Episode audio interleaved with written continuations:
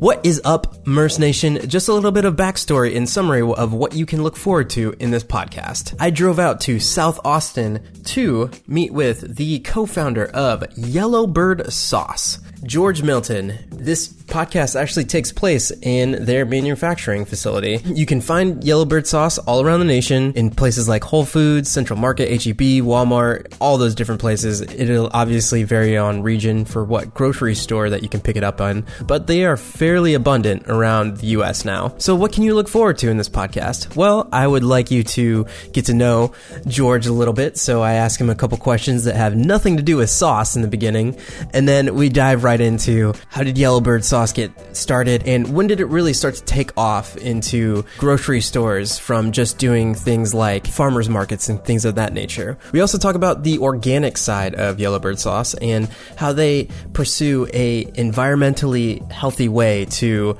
create their sauces. And no interview with a successful businessman such as George would be complete without some sound advice for budding entrepreneurs such as myself and probably a lot of the other people out in the passion and progress field. If you guys have been digging the podcast, don't forget to leave me a review. And if you want to connect with me on social media, I'm at JR Mercedes on Instagram and JAV Mercedes on Twitter. So, Merce Nation, here we go. This is Passion and Progress, episode five. That's awesome. With George Milton, of Yellowbird sauces.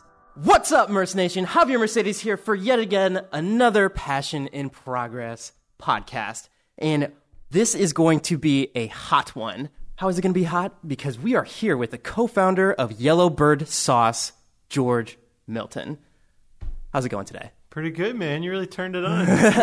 hey, you know, you got to catch their attention. You got to catch their attention. Um, just to break the ice, I have 10 questions. 10 questions for George. Okay, 10 icebreakers? That's yeah, yeah. yeah. And uh, so it's just going to keep them, uh, keep, I, I, would say keep them brief, but then if we want to elaborate on what you answer, then for sure, let's get into it. Sure. All right, so born in Alabama, Birmingham. Yep. Uh, not a fan of sports, though. uh, what was your favorite thing to do after middle school then? After middle school, just my favorite thing in general to do. Yeah, just or? like well, what was your recreational thing? Like like instead of doing sports and stuff, what were you doing? Well, I played sports. I just Oh, uh, okay. I, I just have never been a fan of uh, of watching them. I've never followed professional sports. So when I was in uh, when I was in high school, is it good? yeah. we should we should uh, Uh, oh, okay, we should so- talk about your coffee. Okay, first. okay. So, uh, total tangent. I got here, and he made me the most, the most, um, with the most heart, French Well, press we have coffee. a French press. We have a French press at the office usually, but uh, uh, one of our employees took it home to wash it because it was looking kind of funky. Mm-hmm. So I filtered this coffee through a paper towel. So I don't know if that's good for you to drink or I'm sure it will be fine. It, it has it has notes of paper towel no, in it's it. just really good that the paper towel comes across.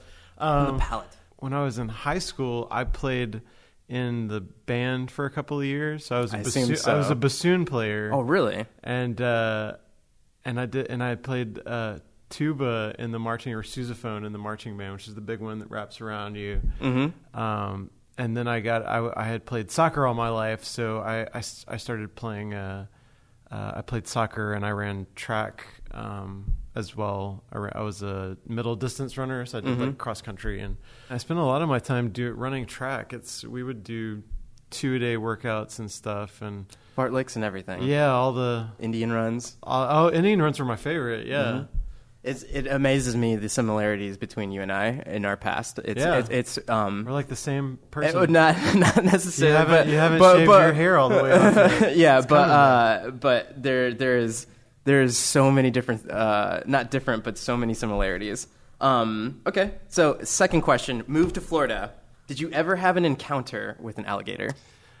Uh, I saw some alligators. I used to. Um, I, I rented a house off Craigslist that was kind of in this little uh, residential sort of area, but there was a lot of swamp around, and I would I would see um, I would see alligators kind of poking their noses out. They were just sort of a yeah, they were sort of like an everyday menace. You Mm-hmm. you uh, it's crazy the first time you see an alligator in person, like not at the zoo, but then if you live in Florida, you just get used to it. I'd probably freak out if I saw one now, just Because you know, we're in 'cause it's been yeah, I'm in Texas. I'd be like, my my wife spent a lot of time in Florida. She went to college there, and that was one of the things when I went to visit her college and everything was just like, oh, it's like a thing. It's just like a natural thing. Yeah, Not yeah. necessarily like it's kind of like deer, but not really. It's kinda like but it's like I don't don't kill me, please. Yeah, it's kind of like deer if deer like ate your pet, if they chilled in your swimming pool. yeah. Um, favorite RPG. Oh, my favorite RPG. That's a tough one. I think. Uh, uh, do you mean like a like a video game or like Any- any? any. So I used to play Nerd Alert, big time Mhm, Nerd yeah. Alert. Uh, when I was in college, I, I had a, a group of friends and we would play the uh, uh, Magic games. Are you familiar with the? Mm-hmm. I know- I know- not- I know the like card Not game. Magic. The um. I said Magic. I meant White Wolf. Are you No, familiar no, with those? mm-mm. So White Wolf is like a it's a company that does they're sort of like D and D style like tabletop games, Mhm. but uh, we would do the there. There's a lot of like werewolves and vampires and stuff. That so sounds amazing. Su- it was super fun, but super nerdy to Mm-hmm. talk about. I try to like explain it to people now, and they're like, "Man, that sounds really nerdy." And I'm like, "No, it's like a storytelling, imagination adventure. You have no idea Mm-hmm. Yeah. what you're missing out by not playing tabletop RPGs." I haven't played RPGs. I haven't really had time Mhm. to do that stuff in many years. But Yeah, my son fun. my son is named after uh, a character from Final Fantasy. What's- Sabin, Okay, uh, Final Fantasy three. what's Uh, your favorite Final Fantasy? Yeah, Final Fantasy three. Is that Uh, your favorite one? Yeah, if it were, I think, a Japanese or whatever, wherever it's, it would be called Final Fantasy six. But yeah, um, My favorite's seven. Thanks for asking. It's I think every Cloud. I actually played that for the first time on my iPhone. Really? Um, yeah. Oh, you can't play it on your iPhone. You got to play did. it like on a console or computer or something. I actually tried. I, I actually got it, and I tried to set up a PlayStation, but the PlayStation was like broke. And then I found out that you could do it on your phone, and I was like, I was sold. oh yeah, I played Final Fantasy. I, I replayed Final Fantasy two on my phone because that was one of my childhood favorites. Amazing music in that stuff. Yeah, yeah. I didn't Love like playing music. on my phone though because I was like, I wanted the Yeah, the the joystick. You need the tactile um, function. yeah. Double major in music engineering and theater. Mm-hmm. Who's your favorite composer?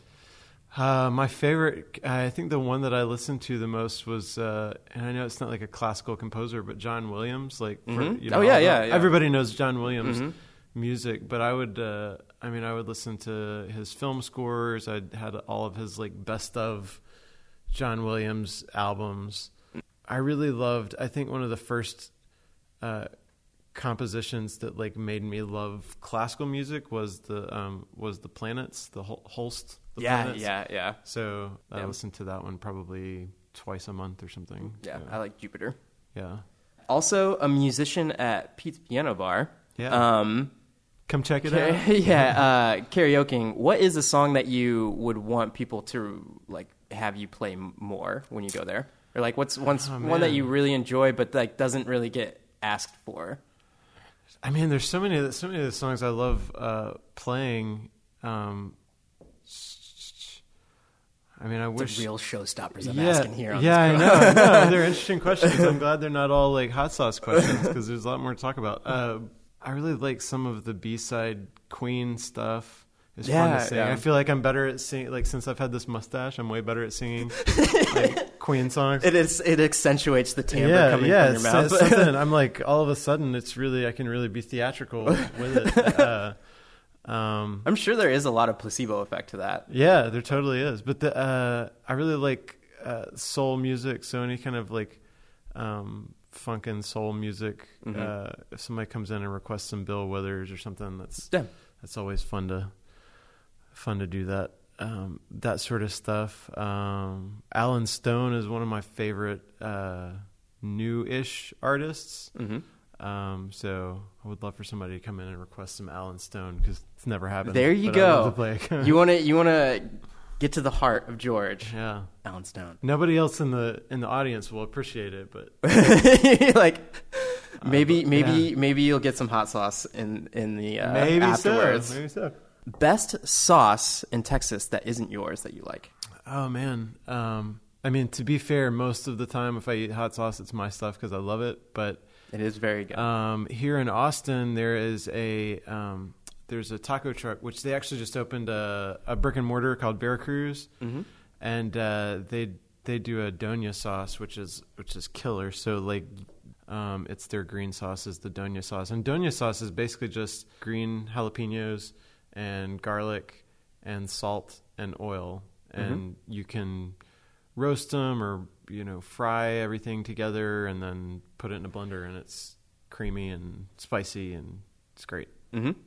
Theirs is theirs is amazing. The the reason I asked that is because uh, on your Facebook Live you brought that up, and straight up when you said that, I was like, I, it's crazy that you say that because the very first time I was in Austin, we went to Radio Coffee and we had the um that sauce, The green sauce? and I, it literally spurred me. Um, I was at a dinner party and uh, this other guy made the sauce, and I was like, "What is this? Like, what?" He made that same sauce. Yeah, no, he he he made he made his version of it, but I was Okay. like, what? Like, what is this sauce? Like, how? Yeah, yeah. What? And he, it took me some prying because, like, throughout the um the dinner, be like, man, what's the sauce? And he's like, it's it's the secret thing. And then afterward, secret, yeah. yeah, yeah, afterward, because I didn't know how to look it up. I was like, what's the green sauce? And then like all of this other stuff comes up because it like it, it's kind of like green salsa or whatever. And um, afterwards, he was like, "Oh no, all you got to do is like soak the jalapenos in like oil." And I was like, "Oh, that's it? That's all it is?" Yeah, yeah. I was like, "What?" And yes, It's a really I, simple uh, recipe. Yeah, I want to make I want to make some of my There, own. there. It's like it's like making bread though. Like the, it's really simple, but there's a million different ways to do it. So like, Mm-hmm. if you made a doña sauce, and I had like, like this dude's don- go-to method for doña sauce is probably way different than mine. I would, I would assume so. Yeah. especially with your expertise in sauces. But isn't it with that kind of sauce, the longer like it stays in your refrigerator, the, the hotter it becomes?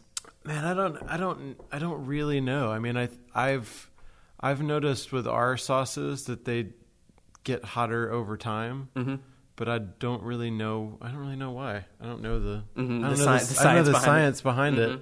Okay. Um, I in, in my mind, I think it's I think they stay the same heat level, but the flavors kind of kind of me- meld together a little more. So it, I, I feel like maybe it tricks you into into thinking that it's hotter, but it's really just all the flavors combining better. I don't know. Yeah. All right. Next question of our 10 questions. We're on question number seven. Wow. Um, both parents being PhDs in mathematics, are you a commutative, distributive, or associative property kind of guy? Oh man. I feel like you're gonna have to explain that one to me. No, I, uh, I, already, no. I already told you I, ma- I majored in music and theater. So. Uh, no, uh, just context. Um, just the way that when I met you, the way that you talked about numbers and everything, I was like, man, he's really. Uh, I, I'm not necessarily like book smart, but just like smart with like thinking about numbers and things like that. But it, it's really just like a, what's your favorite color, like blue, white. I don't even, to be honest, I don't even remember what the associative and commutative property are. I just remember one, uh, in physics always using the distributive property to get y over to one side, and then you're finding that variable. Well, let's go with distributive then. Since that's your favorite. We'll There call we it go. distributive. I just had to throw that in there.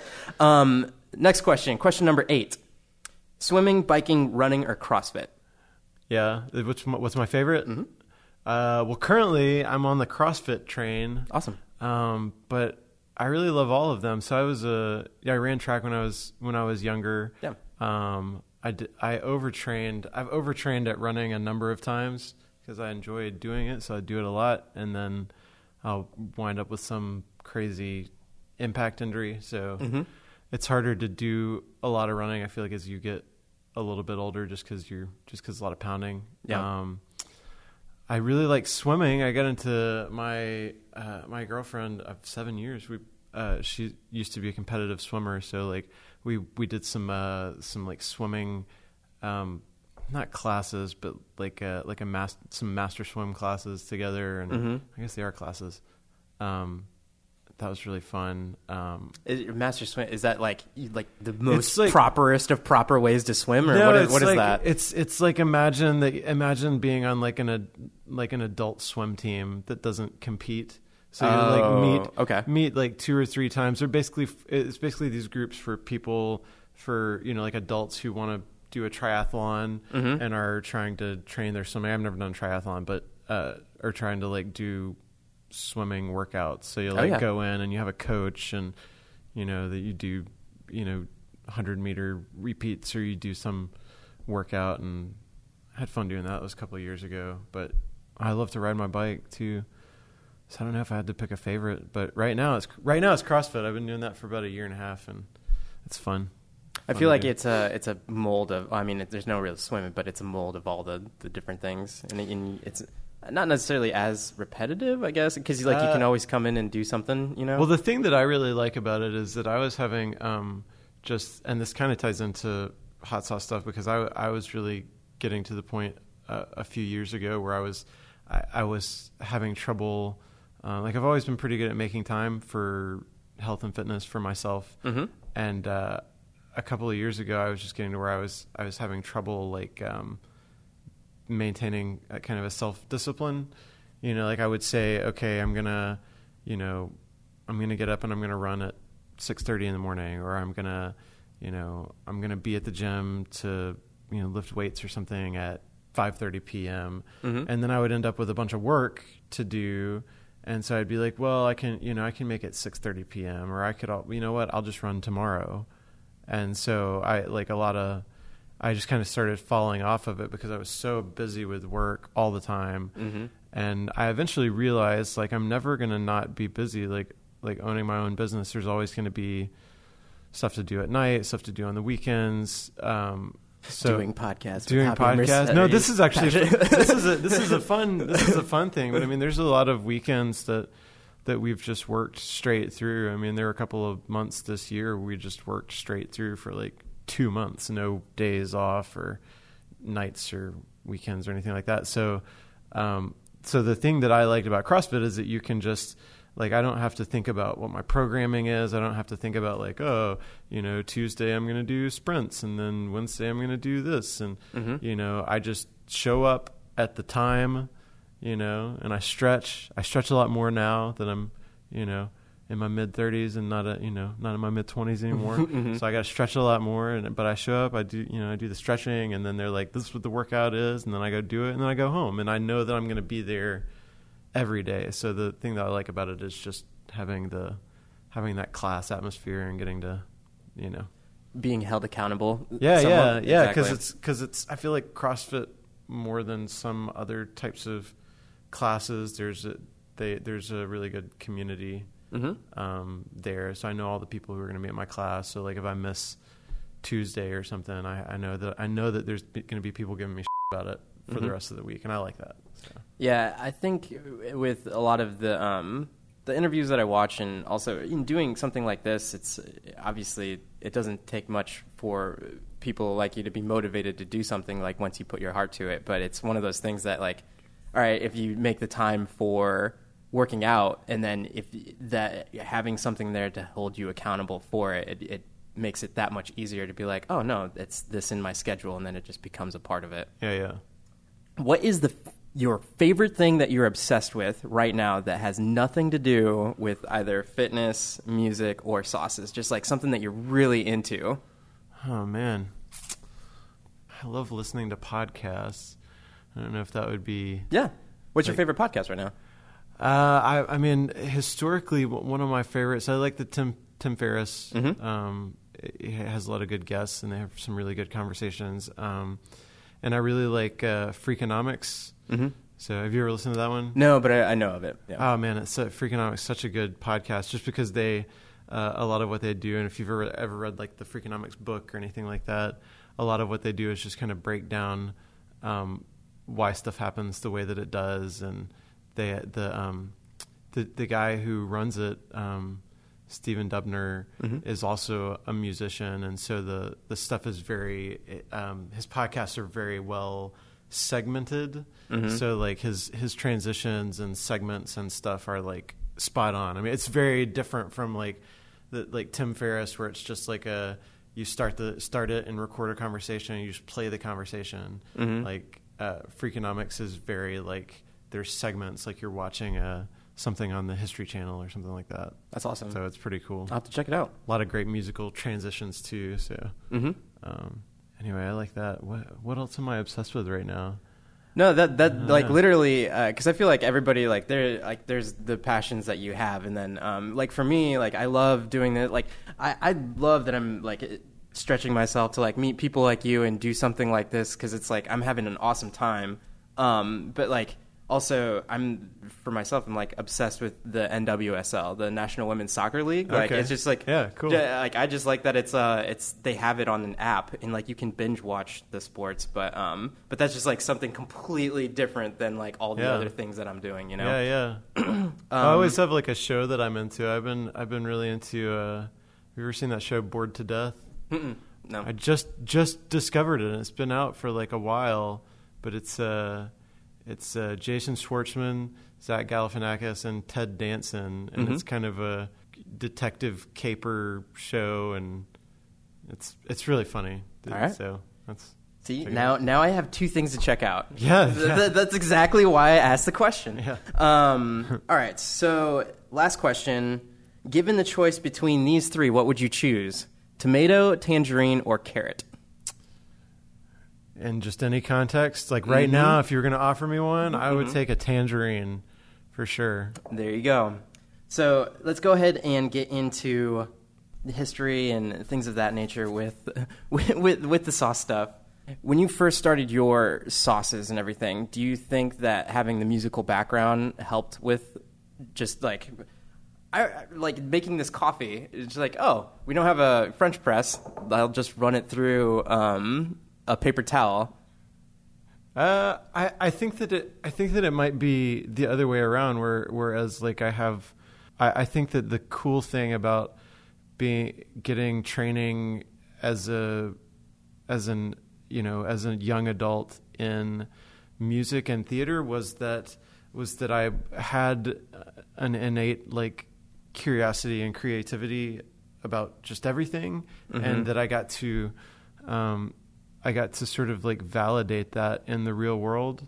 Um, and, and I feel like a lot of people. I don't know if you if you go to like if you go to school for business or something, and so from like the eight, at the age of eighteen, you go in and you're just talking about business or whatever. Like maybe you don't get, um, maybe you don't get as much of a freedom to be creative. Like Mhm. I had professors in college, and I even I went to a semester of grad school for it too, and then dropped out. But so I had uh, professors and like people like mentors like encouraging me to be creative with stuff. Whereas you know like um, I kind of had this idea of like when I became an adult, people were gonna not want me to be creative anymore, and Mhm. uh, but I but I got to do that for a long time as an adult, and so like when I um, when I started making hot sauces, it was really just like uh, the this was the original one that we made. I'm so glad we have them out here as props. But we uh, the habanero sauce that we make was the first one that I ever made, and that's all we did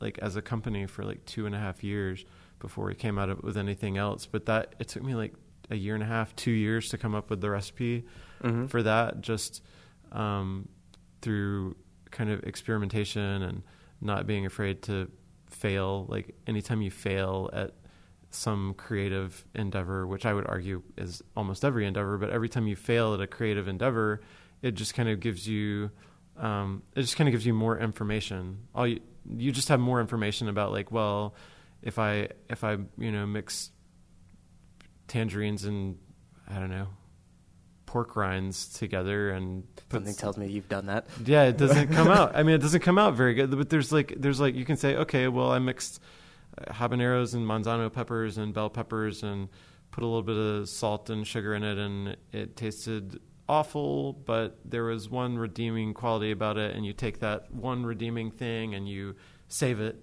and then you mark everything else off, and you have more information. So I think that Mhm. that's um, that's what you do with. Uh, with music and with acting and anything that people i mean that's you can do that with anything and uh, i mean you can do that with podcasting like if you go back and look at a podcast and say these are the things i liked about it and you know i want to do more of that and less of other stuff like Mm-hmm. I remember when I was uh, when I was uh, training as a musician, um, they, they they would call it uh, wood. Mm-hmm. So it was like you're, um, and when you're practicing, you're you're wood shedding, and so it's like getting all the wrong stuff out of your brain and out of your fingers, Yeah. so that you're playing the right stuff. And it's just like with anything, it's just woodshedding. You're just, you know, you're not failing. You just have to practice enough times before you get, before you kind of hit the right notes. I guess. hmm When you uh, first had your habanero, was that Mhm. Yeah, when you first had your habanero, how did you get it out to um, people at first? How how were you how, like when or when you first discovered it? Was it just like giving it to friends? Were you peddling it to restaurants? How how did you get it out to the world? Well, when I when I first kind of like came up with the recipe, I had been uh, I had been like handing it out to friends like to because I was trying to get nail the recipe. So I was like, hey, try this. I feel like it needs more salt or more or like the it needs some other note to it or something. So I'd give it out just to people to try it. Um, to get feedback about it, and when I finally nailed the recipe, people were like, "Oh, this is really good." Um, and my fun, my kind of funny story about that is that I was playing in, you know, I was playing in bars and stuff, and I was trying to say, uh, I made some, I've, you know, spent my life savings at s- several different points making uh, music albums, Mhm. like, um, and I was trying to, I would be trying to sell albums, uh, my albums and stuff at these bars, and uh, people would come in and be like, hey, uh, you know, like I've heard about you make that hot sauce though, right? And I, I don't really want to buy an album, but I'll give you a couple of bucks for if you got some of that hot sauce. You know, I heard about it. Um, so I was playing at uh, Pete's Piano Bar, and uh, a friend of mine, uh, Seth, opened a corn dog stand. So he oh was, no way! That sell- sounds like the perfect avenue. yeah, he was selling corn dogs. Um, he's selling corn dogs like right outside of the piano bar, and so it was really easy for me to be playing there. And I would like, you know, and he was like, "Yeah, this is really good. Like, make me a couple of bottles, and I'll, you know, like make, put it on my like spicy hot dog or corn dogs."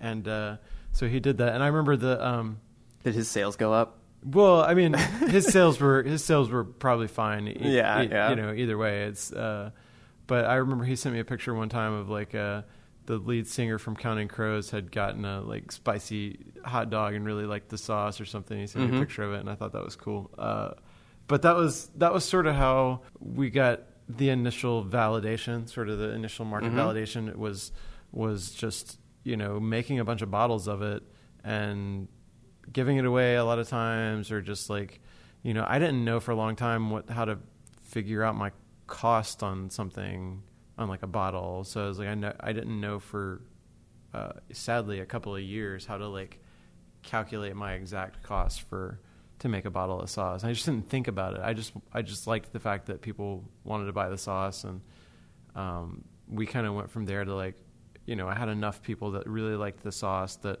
I was just putting it in those little, you know, like ketchup and mustard bottle. The like uh, you can just buy the little like clear, Mhm. not the ones that are red and yellow, but like just the clear like ketchup mustard bottles you Yeah. can buy at the store. And I would just put it in those bottles. And um, uh, my girlfriend, who's also my business partner, um, Erin. Erin d- designed uh, all the labels because we were kind of like, hey, people really like people really like this. It'd be cool to do some farmers markets or to try and sell it to a couple of local restaurants. So that's how um, we kind of accident. It was not intended to be a business. It was just sort of like we had this project. We, you know, um, got some validation from people being like, "Oh, I really like this. I want this at my corn dog stand," or you know, let me buy a bottle of it from you at the bar or something. And Mhm. so I'd have to like ta go with go to the bar with a backpack full of hot sauce instead of instead of hot sauce. yeah right. so I was I, I sold a lot of hot sauce out of my backpack. I sold a lot of hot sauce out of like the back of my car in parking lots and stuff for a couple of years. It was So gangster. yeah, it was pretty gangster. yeah, but uh, um, but I didn't I didn't really put all, put the pieces together about how to how to make it a business for a while, and it was just kind of it kind of was one piece at a time. But um, like Erin and I thought it would be a, like just a fun project to do, Mhm. like because she's a graphic designer and she was when we first moved here she was doing freelance graphic design, which uh, I feel like the state of freelance graphic design, at least in 2012, 2013, kind of was uh, like who it was sort of like the wild west, especially out here where you've got a bunch of graphic designers and Mhm. there's a lot of companies who don't value good design the way that they probably should, and they're just kind of going for the lowest, whoever's the cheapest. Mhm. Um, so it was, uh, yeah, she had a hard time with that, but it was like, it was like a, this was like a fun project that we could do together that was not, you know, like she didn't have to have a, a graphic design client who, you know, I was just like, do whatever you want. Like, make, you know, we, I had some ideas, she had some ideas.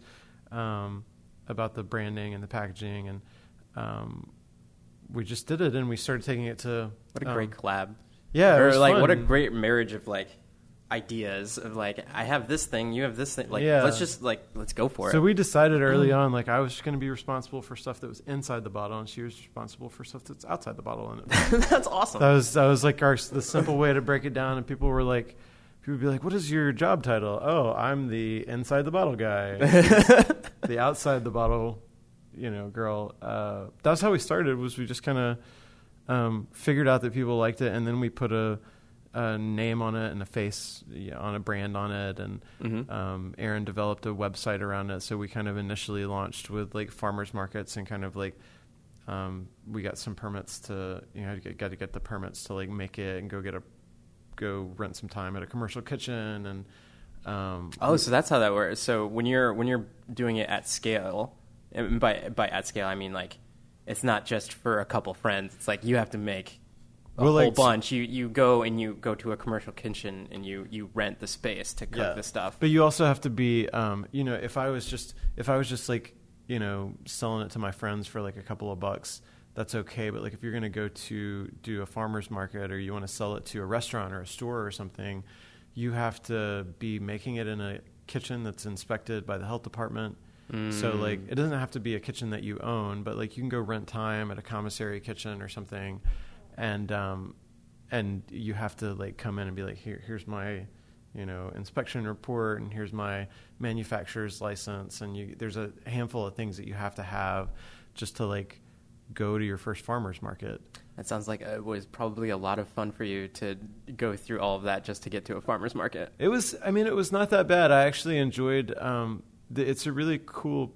It was really cool to me to to learn about the process of um, getting uh, food, like a food item on a shelf, because I feel like for a long time, like you go, like going to a grocery store, it just seems like magic that Mhm. stuff is there. You know, that some company came up with the recipe and packaging and you know lab tests everything and built the facility and distributes it and whatever like it seems Mhm. like magic and so like fi- so like figuring out all those little steps along the way i thought was kind of neat like Mhm. you know getting the permits and About the journey, not the final destination.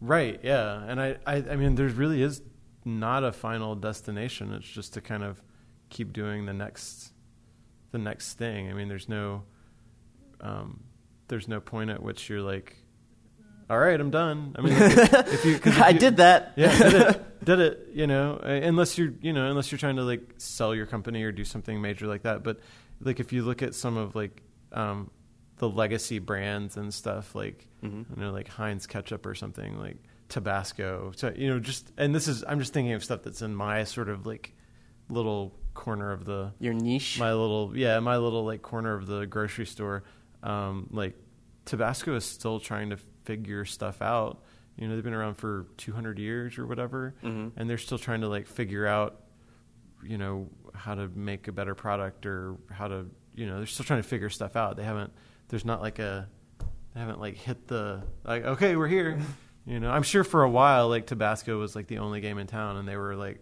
they probably had you know a number of decades where they were like we're here we're just doing the thing that we're doing but Mhm. Also, in your beginning days, did you ever have um, what was your worst like concoction that you ever made? oh god i made so many bad ones um there there are two that that i can like really tell a story of how bad they were um Please do tell. So like there for when I first started, um, when I was first like sampling stuff out to people, because I would go around town and like um, go to different uh, restaurants and chefs and be like, "Here's a bottle of it, just try it. I'd love to know what you think about it." Um, before I was trying to like sell them stuff, Mm-hmm. and um, there's a there's a spot. Do you know Whip In? Yeah, yeah. So- so they got that nice. I was about to describe the sign, but yes. Yeah, yeah. so there's a Speaking place, of branding, Yeah, there's a place. Uh, there's a place in Austin called Whip In, and it's uh, they do sort of like it's sort of like fast casual ish Indian food, and um, they have a, a like a bunch of beers on tap and a bunch of local products and like a wine. They have a wine bar now, Mm-hmm. um, and sometimes they, their espresso machine works. So sometimes they, sometimes they also that have, about a place. yeah. It's like, did like, you get not- espresso? It wasn't espresso today, type of day. Not today. no, not this week. Um, but so I had uh, I had brought some stuff. There was so I was fermenting. Uh, like originally, I was like fermenting uh, peppers and stuff. Mhm. Uh, and I I was experimenting with like um, like wild fermentation was sort of the first iteration of that, and then I was experimenting with like fermenting peppers with different sorts of yeasts that were not usually used in in uh, in like a pepper sauce or something. So I made a I Mhm. made a batch that I've I fermented with um, I fermented with champagne yeast, and um, you probably see where it's going. But but so I made this batch that I fermented with champagne yeast. But then you're supposed to like, you know, you're supposed to cook it. There's a there's a step where you like cook it to kill the yeast, Mhm. so it stops Fermenting. fermenting. Um, and so I did that, but I think that the this particular ye- yeast was just really robust. I mean, I cooked it like at twice the temperature of what yeast is supposed to be able to live through. I think 110 is like where yeast 110 degrees like where yeast Mhm. starts dying Mhm. like if you're making bread or beer or something like that Mhm. um, but and I put it in these bottles, uh, similar to these bottles, like a little bit bigger bottle than this, and uh, I put it in these bottles, and I'd taken uh, a sample to Quickie Pickie, and they called me back and were like, uh, to their credit, not furious about it. They were like, "Was this is this some kind of joke?" Like apparently they had opened the bottle and it just erupted like up to the ce- like their head chef had like opened it He didn't have to go to the hospital. Nobody went to the hospital. Nobody went to the hospital. But it like erupted and like hit the ceiling. You know, like she just barely like dodged it and stuff. And I tried to Like I, I ended up that the rest of that batch. I opened them in the backyard, and it was like they shot across the yard. It was it was not. I mean, it was like champagne. What an epic failure. It was an epic failure. Uh, the the other the other like big like failure that I could look at that I had a bunch of feedback on was um, in 2011 maybe, and this was when I was still trying to figure out. Um, it was 2011 or 2012. I was still sort of like in the midst of making the recipe for your Um, habanero. yeah, and I had I had entered. I think it was 2012. I had entered the Austin Hot Sauce Festival, Mhm. and I was like, I'm going to bring this recipe, the current recipe that I've got. I mean, it's just you know, I didn't have like a table or anything. I just you can enter it in the contest, and they have like um, uh, for people who've never been to this or any other hot sauce festival, they have like a tasting tent where there's like they have all these tables lined up and they basically like take the hot sauces and they just number them and then you can and they like put it into like a they pour them all into the same sort of jar and then Mhm. people like taste it with chips and then they can vote on like their favorite number. And so like i had kind of i submitted mine and then i was like okay i know what it tastes like. I know what it looks like. I went through the tasting tent and i found the one that was mine. It was like number 43 or something. And uh and so i just like camped out kind of a little ways away and i was watching people as they tried my sauce and there were like more people than I care to count who spit it out or Oh, made no. like a or made like a you know like just a shudder of Yeah. disgust you know like and I What great like, feedback, though. yeah, It's it was great feedback, and I feel like there's a lot of uh, I feel like there's a lot of companies who just release stuff out, out into the world without getting you know it wasn't a, it wasn't like a market research group. I didn't have to pay for it. Mhm. Uh, I mean, I did have to pay like fifty bucks or something to enter the the sauce, but then it was basically like a market research group of all you know ages, sexes, and Mhm. whatever. And nobody knows you're there looking Nobody knows them. I'm there looking at them, Mhm. and they all hated it. So it was like, was, it Jesus. was, it was bad. I mean, it was bad. hmm That's so cool that you can you can take an experience like that, but still uh, go and continue and be like, all right, what did I learn from this? That's awesome.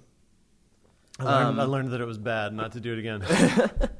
Uh, so word out on the agricultural agricultural that's a that's a term that's a word Sure, yeah. streets is you maintain a high integrity and quality of your product and one way of doing that is sourcing through regenerative farming do you not We do, yeah, we do Mm-hmm. as much as we can, and and and one of the um, one of the issues there is that a lot of you know organic and biodynamic stuff. There's not a lot of. Um, I Could mean, you we- could you give an a, because like when when I first heard you talk about it, I was like I I didn't know what it was. Can can you explain the differences between those? So uh, conventional farming would be like the I I don't know. Uh, conventional is a bit of a misleading term, but like conventional farming is like the big sort of like factory farms where they spray kind of any pesticide that they want on Mhm. it. You Okay. know, any sort of like herbicides or like um, any any sort of thing that they want, they can spray out there. They can crop dust the fields. Um, you know, whatever whatever they want to do, and it's that's certainly the easiest and cheapest way to um, to do farming, just because there's a, you have a lot of problems with pests and stuff. You know, stuff will want to eat, you know, your food that Mhm. you're growing because it's food, Yeah. and so you put out stuff that kills that stuff that wants to eat it. Um, so that's conventional farming, um, and then the the big problem with that with that is that you get a lot of that. Um, I mean, you get residues from those pesticides and herbicides and stuff on the food that it's been sprayed with since it was a seed. Mhm. Um, organic farming is certainly a step up from that. Um, so I guess you would have conventional and then non-GMO would be sort of the next level, and that's basically it doesn't have to be organic. So stuff that's non-GMO is like a step up from conventional because they're certifying that they haven't used um, you know genetically modified stuff. They can still there's still a lot of like pesticides that they can spray on it. It's mostly like have they genetically modified the seeds for Mhm. you know so like if you get non-GMO corn and it's not organic, they can still use a lot of pesticides and herbicides on it on the corn Mhm. as long as they haven't genetically modified that seed. Um, and then you kind of take another step up is organic, which means that the list of stuff that they can put on it becomes a lot more restrictive. Um, so organic, um, hopefully, will become the the new sort of like baseline standard, Mhm. and that's what we're working towards Mhm. um, as well as that that would that would be the baseline.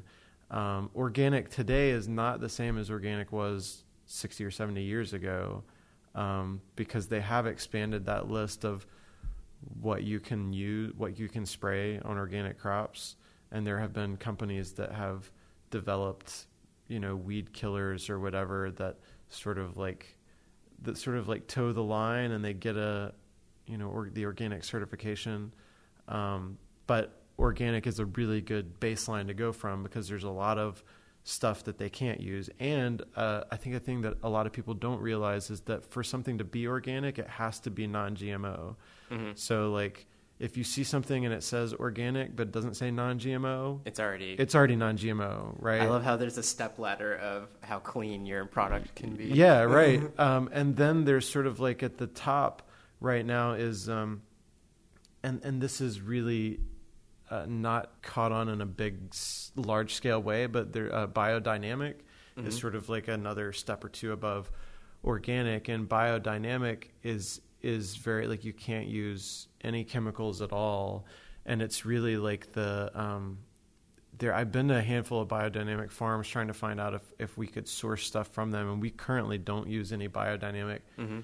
ingredients because they're the um like biodynamic is really uh, and it's in the name but it's kind of like a this circular method of farming where you will have you have uh, trees you have uh, fruit trees and you know you have perennial crops and annual crops and you do sort of like you don't use pesticides but you grow it's sort of this idea that you can grow two types of plants together. So like we we have a um, we grow a bunch of stuff at home so we try to try to make our backyard kind of a food garden as well. Mhm. and uh, we've had a couple of years where we went overboard but we grew you know like you can grow like uh, if you want to grow like peppers there's a lot of pests that'll get at peppers but you can put you can kind of line your pepper garden with garlic. You can grow garlic around the outside and it'll deter a lot of those pests. Mhm. so that's the idea of biodynamic is it's completely organic. There's no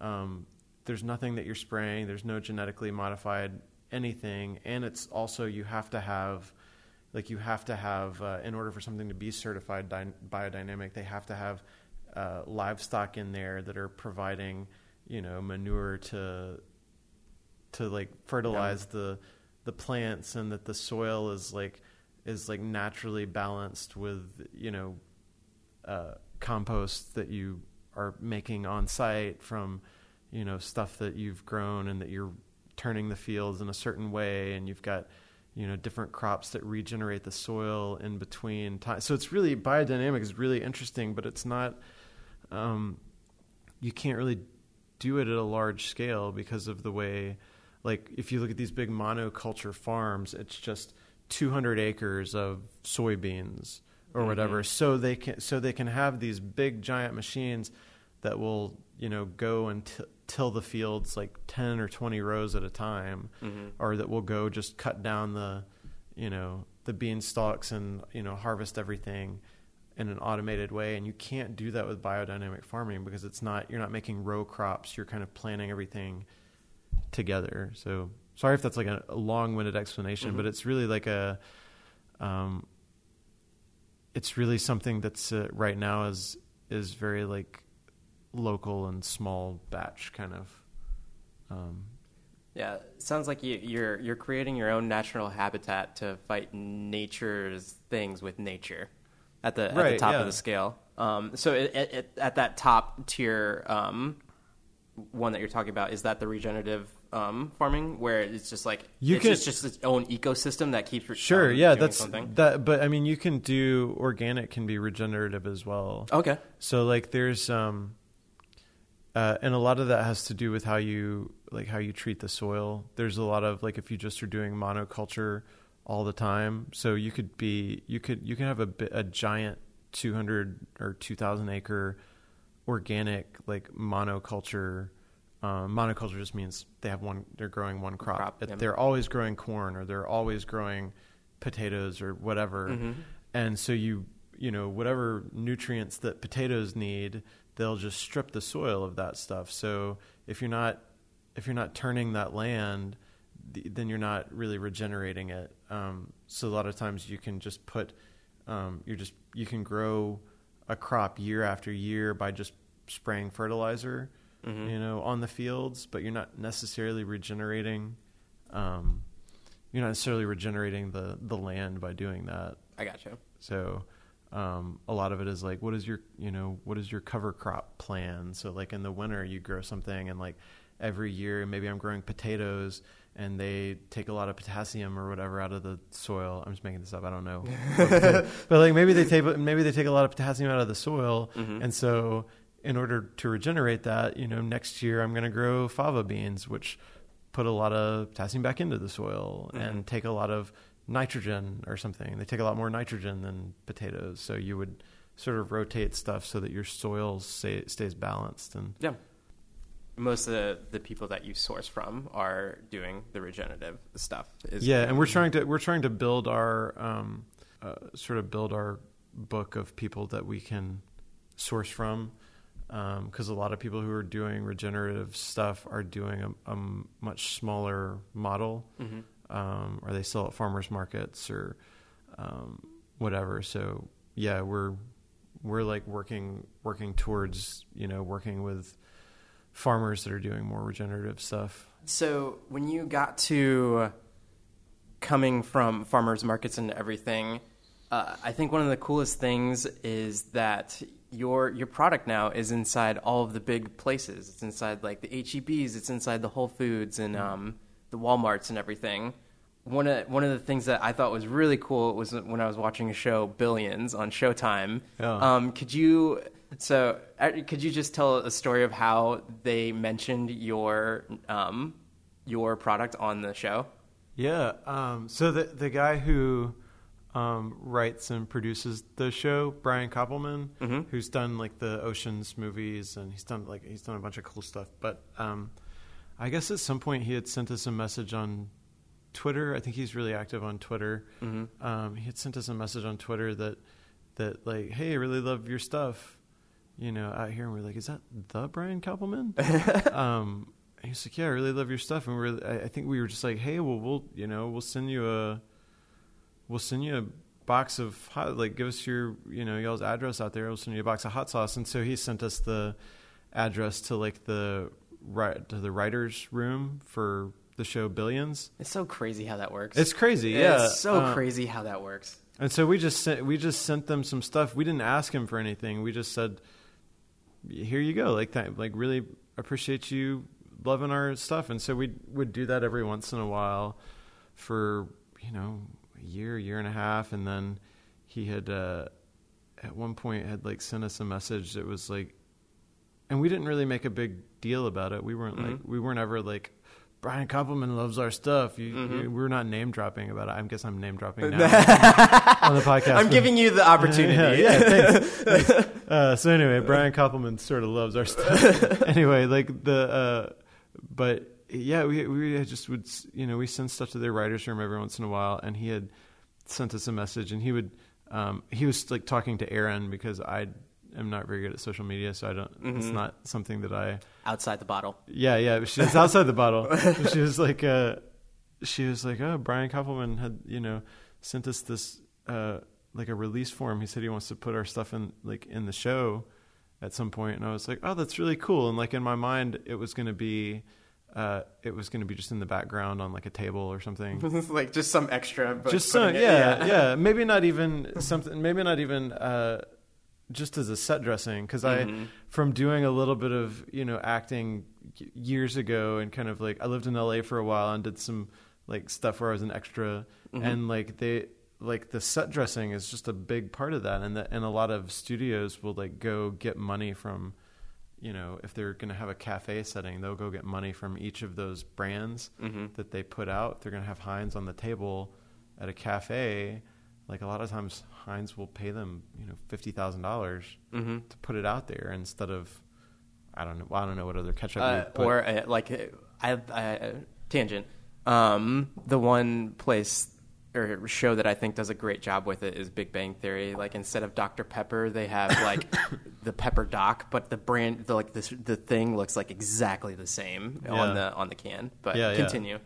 But so that's a big deal if you haven't like gotten a form from a if you haven't like signed off with a brand or something. If And it drink- shows up. if if it well they have to turn the you know like they'll have to turn the beer bottle around like if Mm-hmm. you, it's one of those things that's like fun to notice if you're watching a show or a movie or something like that usually like the you know a lot of them All will, of the shirts don't have any logos. no logos Yeah. and if they're drinking a beer or something they'll have it turned the back label turned towards the camera so you Mm-hmm. don't see bud light or you don't see whatever the brand of beer is that means that they haven't paid you know a beer company hasn't paid to have their name Mm-hmm. you know it would have cost you know even though they're drinking a bud light it would have cost budweiser you know a hundred thousand dollars for them to turn that label Mm-hmm. around uh, but anyway that's that's that's sort of a tangent but the but, we have Yellow Bird right here on camera. yeah, yeah right.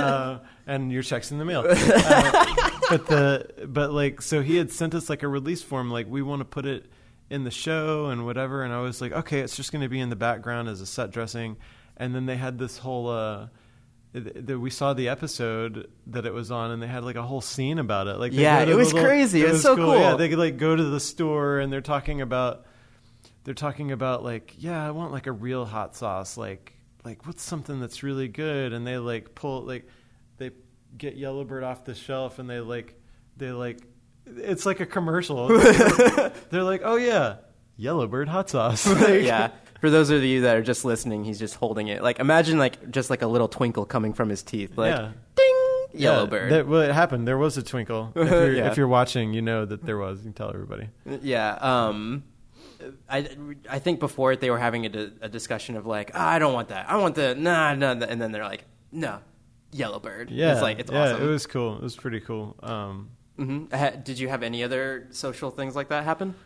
Uh, we had, I mean, we've had a handful of like things where we got mentions that we didn't really, we we didn't really ask for that kind of, you know, gave us a sales bump. I think the thing that that gave us sort of the biggest, the biggest like bump in like recognition, like people, people caring about our stuff was uh, Jesse James, like the uh, Mhm. West Coast Choppers, um, Sandra Bullock, Jesse James mm-hmm.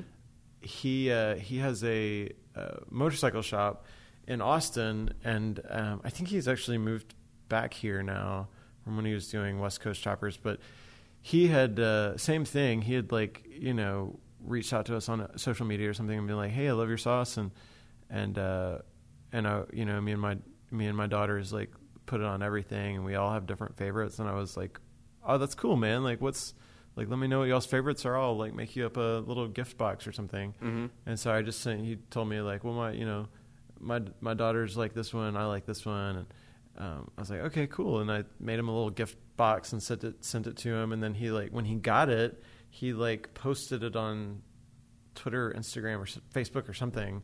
Something where lots of eyeballs get on it. That was the biggest, like, single biggest like sales bump that we've ever gotten because his his fans are like super fans Mhm. of him, and it's like whatever he was like. He was like ha- had a picture of the box, and he was like, "Love this Yellowbird sauce." And it was something really simple, like, "I really Mhm. love Yellowbird sauce. It's really great, you know, Texas made hot sauce." hmm and like it just we sold a lot of hot sauce that month. Yeah. I mean those sort of things, those like mentions, sort of they trail off, but like Yeah, it's uh, I think it brings um, some clout to the brand, though, at least in the in the in the long tail end. Um, I I'm I, I love a question like that because it's just I'm fascinated. Obviously, with my realm, working with the tribe and everything is like in the social media and everything. It's like I I love the the leveraging of social media, and it's just crazy to me in today's day and age. If like if you're passionate about anything, and then you're like you're really gung ho about it, and other people catch on to that, it's like, oh hey, I'm this person digs this one thing, I dig this too because of say it's a story behind it or something like that. Yeah. And then um and then all of a sudden it's it's on a TV show or it's posted on um social media from another person that does a TV show or something like that. You know, it's so crazy. I think that's cool. The thing that I don't like about that whole system is how much you can pay for that stuff. Oh, you know, yeah. because like if I like, it's cool that we got on the this billion show because Mm-hmm. they like because they liked our stuff. Mhm. But then there's a lot of other products who are on TV shows or get mentioned in somebody's social media just because they paid for it, Mhm. and not because it's a good product, but because they've spent. Um, I mean, I could. I could rail on food marketing for like a long time, but it's it's kind of feel like, I've opened a can yeah, of worms. No, no, no, I don't, I don't. I'm not gonna. I'm not gonna. I'm not gonna go off on it. But I do. I do think just in general, like it's there's um, it, it's hard to know what stuff is organic. You know, not like organic farmed, but like Yeah, yeah. what stuff happens organically and what stuff is uh, is like paid for. Like if you're if that Oh, you mean organically, as in like the relationship, or just Right, Like them, yeah, sure, them like if, actually uh, loving your brand. because there's a lot of like social media influencers that the way that they make their living is that they go and we've had a lot of them reach out to us like hey you know like i have 2 million followers and i will mention you in a post or like tag you in a post for $10,000 and we're like we don't have that kind of money Mm-hmm. so they're going to go call some other brand you know some other hot sauce brand or s- any sort of brand and and then those people uh, those people that see that mention or whatever may or may not realize and i think they've changed the rules you have to mention that it's It's sponsored an ad. yeah Hashtag.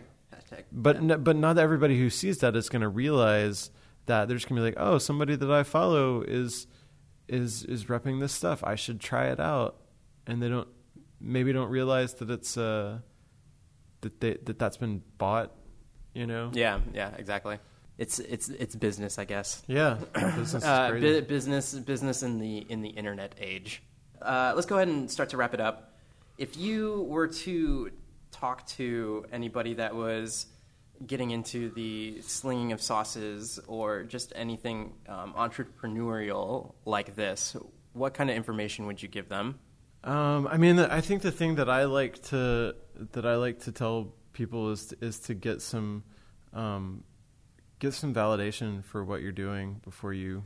Put it in a hot sauce contest and then look at people. Yeah, yeah, yeah. Get some um, like uh, like that's a. I mean, I think that's a great sort of like little parable for like get some validation because let's say that I were a big company. There's a lot of big companies who will, you know, who will put stuff out, you know, or medium sized companies who will put stuff out and not get validation, not get the right sorts of validation on it. Like they might say, oh, well, you know, kombucha is really like there's a lot of like in food there's just so much crossover stuff. It's like kombucha is really cool and people really love pickles, so we're going to make kombucha pickles or something like that.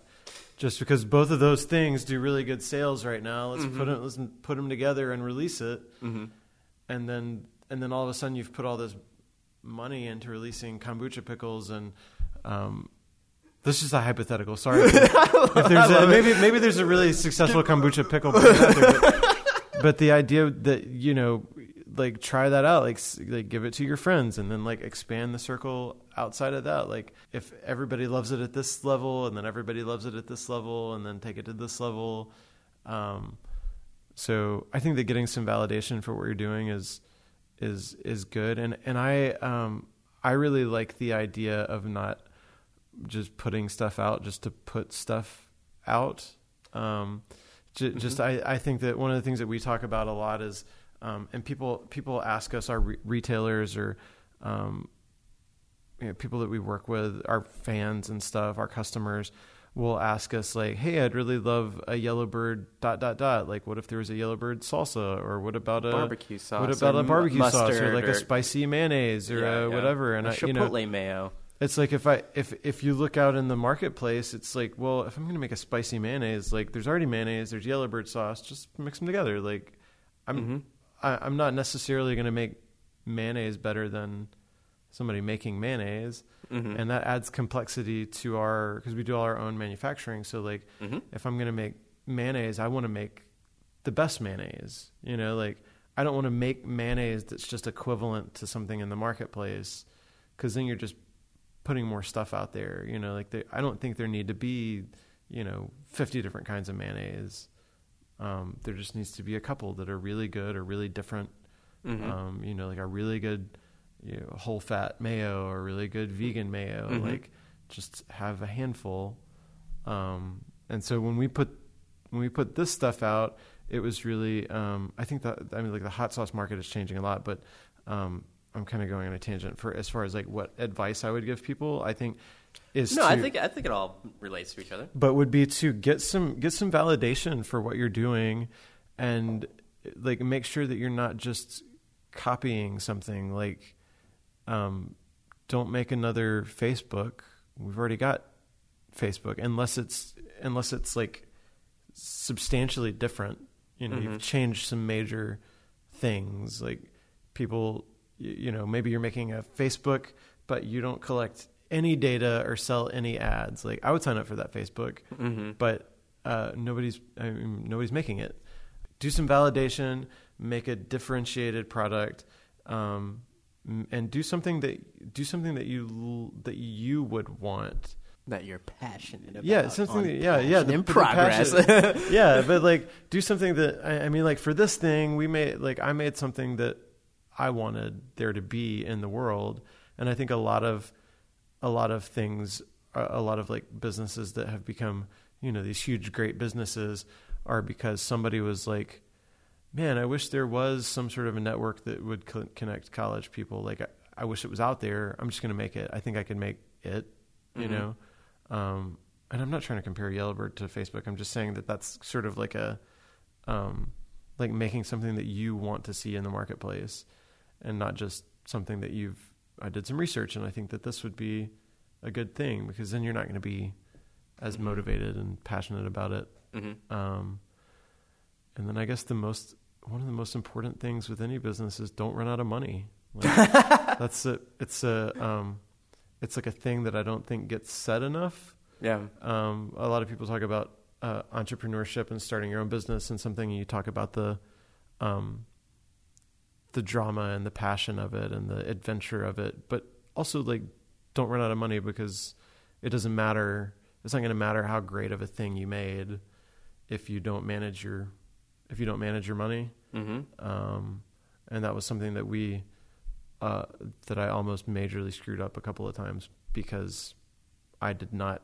you know, I came from the creativity, passion side. You were rom- romantic about it. Sure, yeah, Mhm. and uh, I had to learn some business and money management lessons like the hard way, and we almost, have, you know, went under a couple of times, Mhm. um, and kind of barely pulled out of it. And it's like if we, if if we had, we wouldn't be having this conversation. You know, nobody would care about Yellowbird because it wouldn't be a thing. You know, it'd be some other company who was like, "Oh, remember that company Yellowbird? Like, let's rip off what they were doing," and that's who you'd be talking about. So kind of a glum way of thinking about It's it. It's a glum- but I mean, but it's it's like- it's definitely um, fuel for the fire to like continue on. Yeah, yeah. I think if you have people who are like listening to your podcast, you're like, I have a thing that I want to do.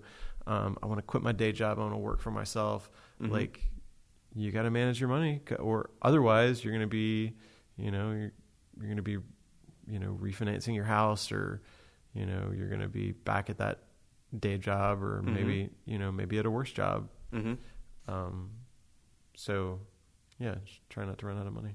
Be uh, I guess with that, be practical in the steps that you take to pursue your business. Yeah. I, I guess I don't know. I think that's um a, a management of risk.